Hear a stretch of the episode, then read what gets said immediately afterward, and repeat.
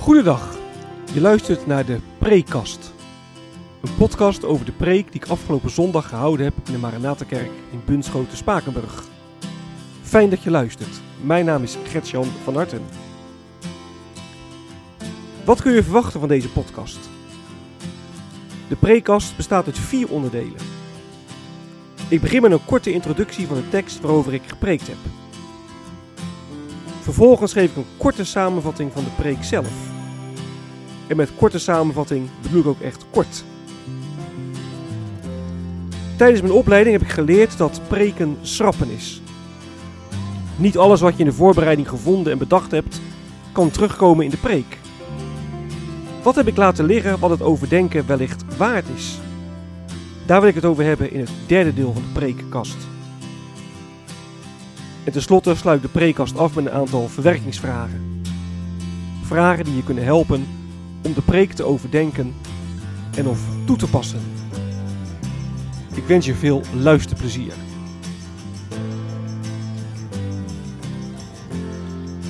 De tekst.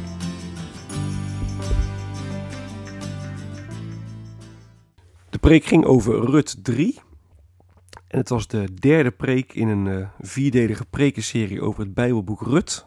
Een prekenserie die ik samen met mijn collega Jan uh, Meijer hou. Rut 3 dus. En dat is het bekende verhaal van Rut op de dorsvloer. En Rut wordt door haar schoonmoeder Naomi naar de dorsvloer gestuurd. Ze zegt, daar is... Uh, vannacht is daar, slaapt daar Boas, de man bij wie je Aren hebt gelezen. Zorg dat je, dat je lekker ruikt, dat je goed gekleed bent... En als Boas gaat slapen, ga dan bij hem liggen. En je zal van hem wel horen wat je dan, wat je dan moet doen.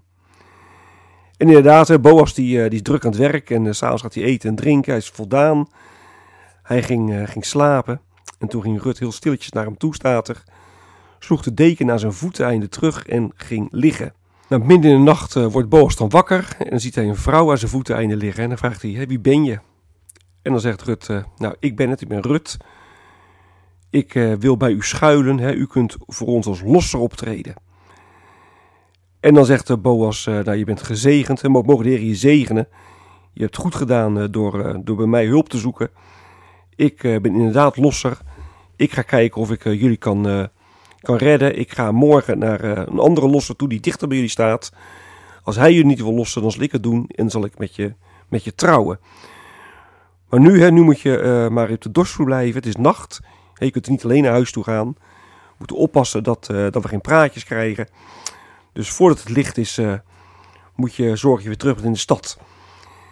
En als Rut dan uh, terug gaat naar Bethlehem, dan krijgen ze van Boas nog zes maten gerst mee.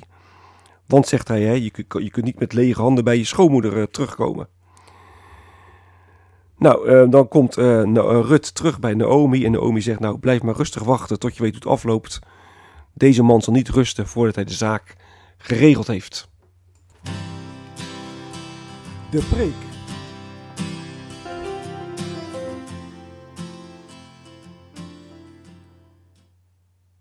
Het uh, thema van de preek is leef in het juiste perspectief.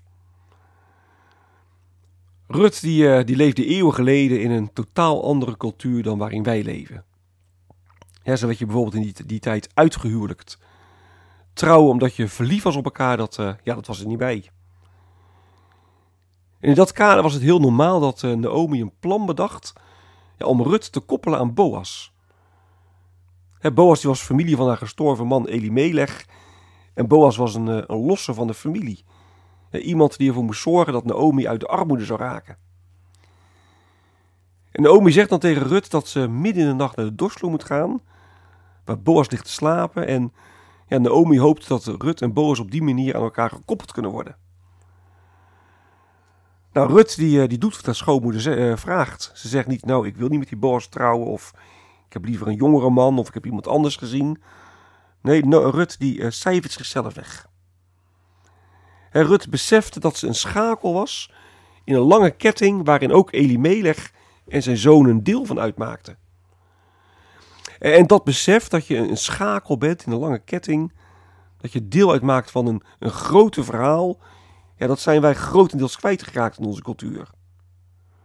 En wij worden geboren, we leven ons leven en we sterven zonder dat we ons ja, opgenomen weten in, in een grote verhaal dat boven ons leven uitstijgt. Nou, Rut 3 leert ons dat ons leven onderdeel is van een grote verhaal. Ja, en als je beseft dat je, dat je onderdeel bent van een grote verhaal, dan ga je daar vervolgens ook, ook je leven op, op afstemmen. Kijk, als je voor het hier en nu leeft, dan worden je levensdoelen ook in het hier en nu geplaatst. En ook christenen zijn daar, uh, ja, daar vatbaar voor. Ik zie dat om me heen.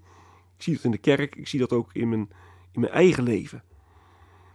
En dan leven we om het zo goed en zo leuk mogelijk te hebben. En we willen niks tekort komen. Ja, ook niet op seksueel gebied bijvoorbeeld. Nou, Rut en Boas hadden ook hun dromen en verlangens. En ongetwijfeld ook op seksueel gebied. Rut 3 is een, een hoofdstuk dat, dat vol zit met erotische toespelingen. Dat, dat lezen wij er niet zo, niet zo snel in. Maar dat zie je vanuit Hebreeuws. En zo een paar voorbeelden geven. Rut die gaat liggen bij het voeteneinde van Boas. Nou, het woord dat daar gebruikt wordt is in het Hebreeuws een eufemisme ja, voor mannelijk geslachtsdeel. En je leest dat ze de, de deken wegslaat, de deken wegslaat met Boas. En ook dat heeft een, eh, een seksuele uh, betekenis. De deken wegslaan, dat kan ook betekenen een geslachtsgemeenschap uh, hebben. En toch wijst alles erop in Rut 3 dat Rut en Boas die nacht geen seks met elkaar hadden. He, Rut leert ons dat ons leven onderdeel is van een grote verhaal. En dat het dus niet om ons gaat en ook niet om de vervulling van onze behoeften. Nou, God had een plan met Rut en Boas. Ze mochten de voorouders van David en, en Jezus worden. Nou, Rut kon dat plan natuurlijk niet overzien, maar ze wilde zich er wel gehoorzaam invoegen. Nou, wij weten dat Gods plan uitloopt op de komst van de nieuwe aarde. En daar wil de Heer ons leven inschakelen. Hij wil dat wij ons leven daarop afstemmen. Door te leven als burgers van zijn koninkrijk.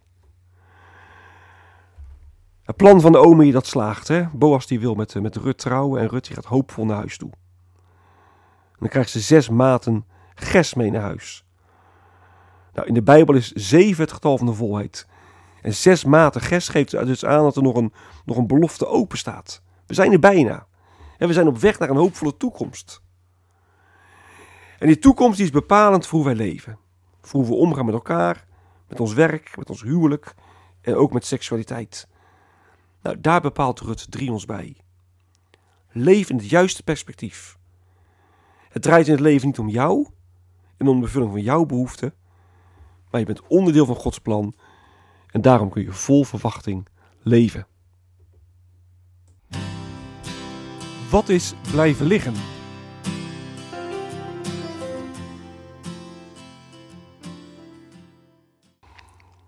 Dat plan van eh, Naomi, dat plan dat ze bedacht had. Ik heb er in de preek inhoudelijk helemaal niks over gezegd, maar je kunt je wel afvragen of dat wel een goed plan was. Was het wel verantwoord wat Naomi voorstelde aan Rut? Kijk, het loopt goed af, maar het had ook zomaar verkeerd kunnen aflopen hè? voor zowel Rut als voor Boas. Hè, Boas die had Rut kunnen, kunnen misbruiken. Hè, een, eh, een, vrouw, een kwetsbare vrouw, daar op de dorpsvloer, s'nachts zonder getuigen. Dat van alles mis kunnen gaan. Boas had Rut ook kunnen, kunnen aanklagen voor prostitutie. Het was natuurlijk uh, alles behalve gepast dat uh, Rut als alleenstaande vrouw Boas s'nachts bezocht in het donker, zonder dat uh, andere mensen iets van konden zien. Nou, het had ook voor Boas echt helemaal verkeerd kunnen aflopen. Stel dat iemand, een van zijn mannen, het gezien zou hebben. En gezien zou hebben dat Rut daar s'nachts naar hem toe ging. Nou, je krijgt zomaar praatjes, je krijgt roddels. Dat zou de naam, dat zou de status van Boas zeker niet ten goede zijn gekomen. Het is niet voor niks dat, uh, dat Boas ervoor zorgt dat Rut s'morgens vroeg, als het nog donker is, ongemerkt de stad weer in kan komen. En Naomi heeft echt een heel groot risico genomen met dat plan. En je kunt de vraag stellen of dat wel ja, verantwoord was. Had Naomi niet ja, rustig moeten wachten op wat de Heer zou doen. Had ze niet aan de Heer moeten overlaten hoe zij en, en Rut van de armoede gered zouden worden. Had ze zelf wel dat, ja, dat initiatief mogen nemen. Nou, dat raakt u allerlei vragen over hoe dat nou zit met de verhouding tussen nou, Gods bestuur en, en de menselijke verantwoordelijkheid. En daar kun je nou, natuurlijk uh, apart een, een preek over maken. Het tweede wat ik wil noemen is het, het zogenaamde leviraatshuwelijk. Ook wel het, het zware huwelijk genoemd. Kijk, als een man stierf zonder uh, nageslachten te hebben, dan uh, moest zijn broer met de weduwe trouwen en zorgen voor nageslacht voor de overleden man. Zodat de naam en het geslacht van de overleden man uh, niet zou uitsterven. En dat was geregeld in de wet van Mozes. Je kunt erover lezen in Deuteronomium 25. Nou, ik heb er in de preek helemaal geen aandacht aan besteed, omdat ik ja, mezelf afvraag of hier wel sprake is van het, uh. De meeste commentaren die, uh, die zeggen dat dat uh, zeker het geval is. Maar ik vraag me af, omdat ja, Rut is geen, geen schoonzus van Boas. Dus in die zin is het helemaal geen, geen, geen zware huwelijk. En bovendien, als je aan het eind van Rut naar het geslachtsregister kijk, kijkt, dan wordt niet Elimelech genoemd, of de voorouders van Elimelech, maar er worden Boas en zijn voorvaders genoemd. Dus kennelijk kreeg, uh, kreeg Boa, kregen Boas en Rut uh, wel, kinderen. Maar waren die kinderen niet op naam nou, van uh, de man waar Rut eerst mee getrouwd was. De zoon van Elimelech. Nou, leviratiehuwelijk, hoe dat werkte, waarom de Heer dat zo had ingesteld. Daar kun je dus een aparte preek over maken. Ook misschien wel naar aanleiding van, van Rut. Maar ik heb daar zo mijn, mijn vragen bij. Ik denk je dan beter nou, vanuit Deuteronomium 25 erover uh, zou kunnen preken. Nou, het laatste waar ik uh, aandacht voor vraag is vers 9. Daar, uh, daar staat dat, dat, dat Boas aan Rut vraagt, wie ben jij? En dan zegt ze, ik ben het, heer Rut. Laat mij bij u schuilen, want u kunt voor ons als, als losse optreden. Nou, laat mij bij u schuilen. Ik vind het niet een hele adequate vertaling, want eigenlijk zegt Rut: spreid uw vleugels over mij uit. Natuurlijk alles met schuilen te maken, dat begrijp ik wel, maar ze zegt: spreid uw vleugels over mij uit. En dat is een ja, duidelijke verwijzing naar Rut 2, vers 12, waar uh, Boas tegen Rut zegt, als Rut aan het aanlezen is: Mogen de Heer je rijkelijk belonen, de Heer, de God van Israël, onder wiens vleugels je bent komen schuilen. En ook daar kun je natuurlijk ja, mooi over nadenken, over dat schuilen bij de Heer. Schuilen onder zijn vleugels, over dat, wat dat beeld betekent. En uh, nou, schuilen bij de Heer, daar gebruikt God kennelijk mensen voor, zoals Boas. Want Rut die schuilt bij de Heer en nu vraagt ze bij, aan Boas, mag ik bij, bij jou schuilen? Nou, schuilen bij de Heer, daar gebruikt God dus uh, kennelijk mensen voor. Ik heb er nu ook uh, ja, niet zoveel aandacht aan besteed. Omdat ik er vorige week in de preek over Rut 2 ja, meer over gezegd heb. Toen het, het thema was: wees een spiegelbeeld van God. Dat God dus in ons gestalte wil krijgen en via ons ook mensen wil helpen, mensen wil troosten en uh, mensen een schuilplaats wil, uh, wil bieden. Verwerkingsvragen.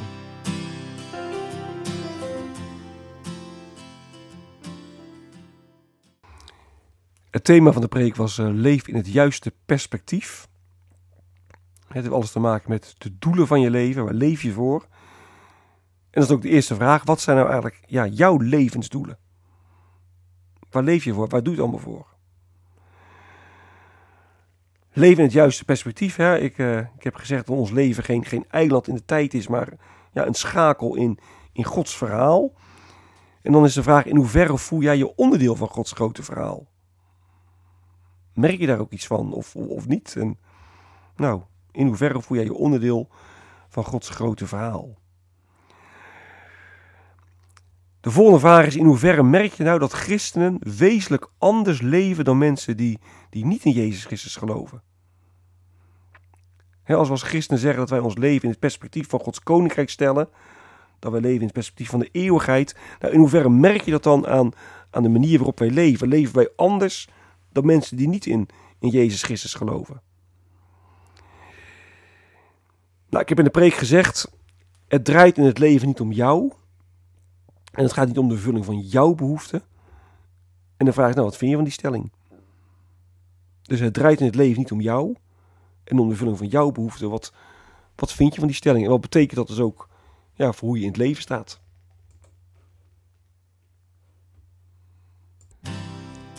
Dit is het einde van de prekast. Mocht je vragen of opmerkingen hebben, dan kun je me mailen op mailadres van hartengretjan.gmail.com van hartengretjan.gmail.com Ik wens je nog een hele prettige dag. Hartelijk dank voor het luisteren. En wie weet tot een volgende keer.